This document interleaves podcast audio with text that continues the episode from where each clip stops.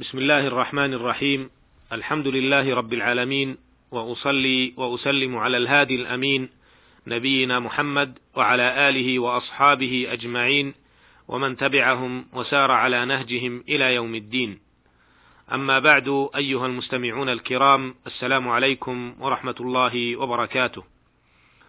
تحدثنا في حلقتين سابقتين عما رواه الشيخان عن أبي هريرة رضي الله عنه عن النبي صلى الله عليه وسلم أنه قال لولا أن أشق على أمتي لأمرتهم بالسواك مع كل وضوء عند كل صلاة متفق عليه. وعما رواه الشيخان أيضا عن حذيفة بن اليمان رضي الله عنه أنه قال كان رسول الله صلى الله عليه وسلم إذا قام من الليل يشوص فاه بالسواك فعرفنا في وقفات عدة فضل السواك وأهميته والأحوال التي يستحب فيها كما عرفنا بعض الفوائد المستنبطة من الحديثين العظيمين.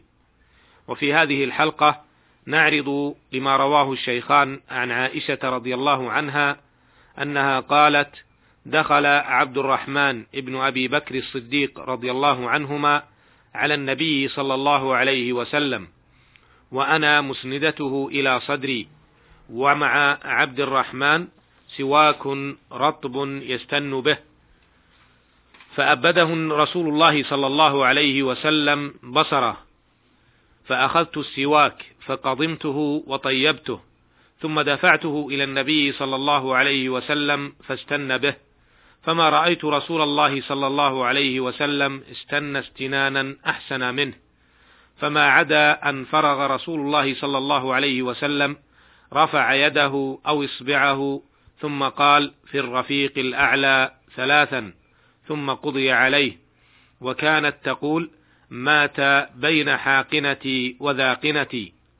وفي لفظ فرأيته ينظر إليه وعرفت أنه يحب السواك فقلت آخذه لك فأشار برأسه النعم. وروى الشيخان عن أبي موسى الأشعري رضي الله عنه أنه قال أتيت النبي صلى الله عليه وسلم وهو يستاك بسواك رطب. قال وطرف السواك على لسانه وهو يقول أع أع. والسواك في, في فيه كأنه يتهوع. هذان حديثان عظيمان فيهما فوائد جليلة وحكم عظيمة. نقف معهما عدة وقفات.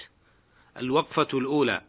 قول عائشة رضي الله عنها ومع عبد الرحمن سواك رطب يستن به. أي يمر السواك على أسنانه كأنه يحددها. وقولها رضي الله عنها فأبده بتخفيف الباء وتشديد الدال والمراد مد إليه بصره وأطاله. وقولها مات بين حاقنتي وذاقنتي الحاقنة ما بين الترقوتين وحبل العاتق والذاقنة طرف الحلقوم الأعلى. وقولها فقضمته بفتح القاف وكسر الضاد المعجمة أي مضغته أي مضغته بأسنانها. ليالين. الوقفة الثانية. قول أبي موسى الأشعري رضي الله عنه وهو يقول أع أع. بضم الهمزة وسكون العين المهملة وقوله كأنه يتهوع التهوع التقيؤ بصوت. الوقفة الثالثة. يدل الحديثان على محبة النبي صلى الله عليه وسلم للسواك محبة عظيمة حتى وهو يلفظ أنفاسه الأخيرة تتوق نفسه إلى السواك. ومما يدل مما يدل على أن للسواك فضلا عظيما. وقد تحدثنا عن ذلك بشيء من التفصيل في حلقة سابقة.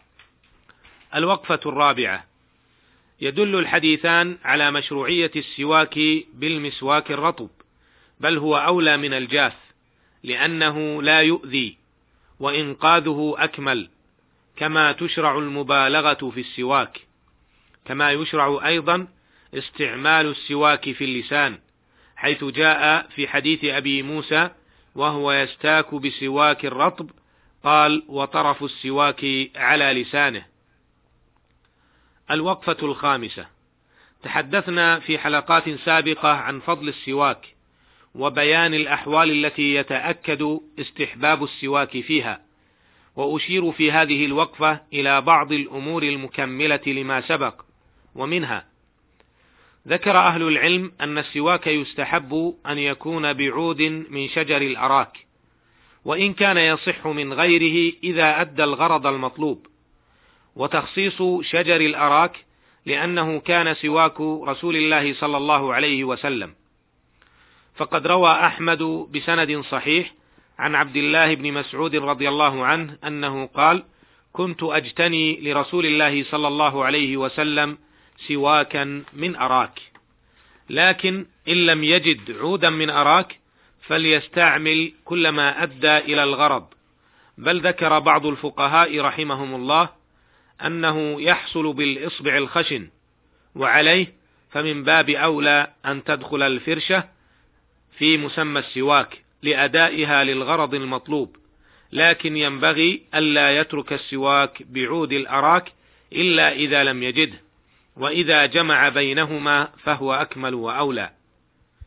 ومن الأمور التي ينبغي التنبيه إليها أن السنة أن يستاك بيده اليسرى بادئا بشقه الأيمن فيستاك في الأسنان عرضا وفي اللسان طولا. ومما ينبغي التنبه له أيضا أن كثير أن كثيرا من الناس يبالغ في استعمال السواك في كل وقت وهذا في الجملة مستحب.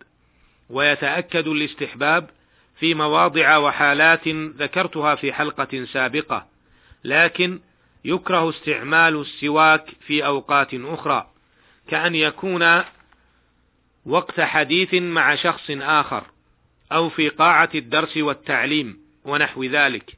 فاستعمال السواك في هذه المواضع ونحوها من سوء استعمال السواك وبالتالي يكون من سوء الأدب فينبغي أن نراعي هذه الآداب ونقدرها بقدرها وأن نحرص على سنن المصطفى صلى الله عليه وسلم بلا زيادة ولا نقصان.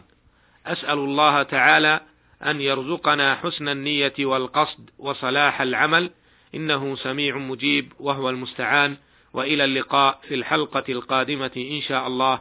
والسلام عليكم ورحمة الله وبركاته.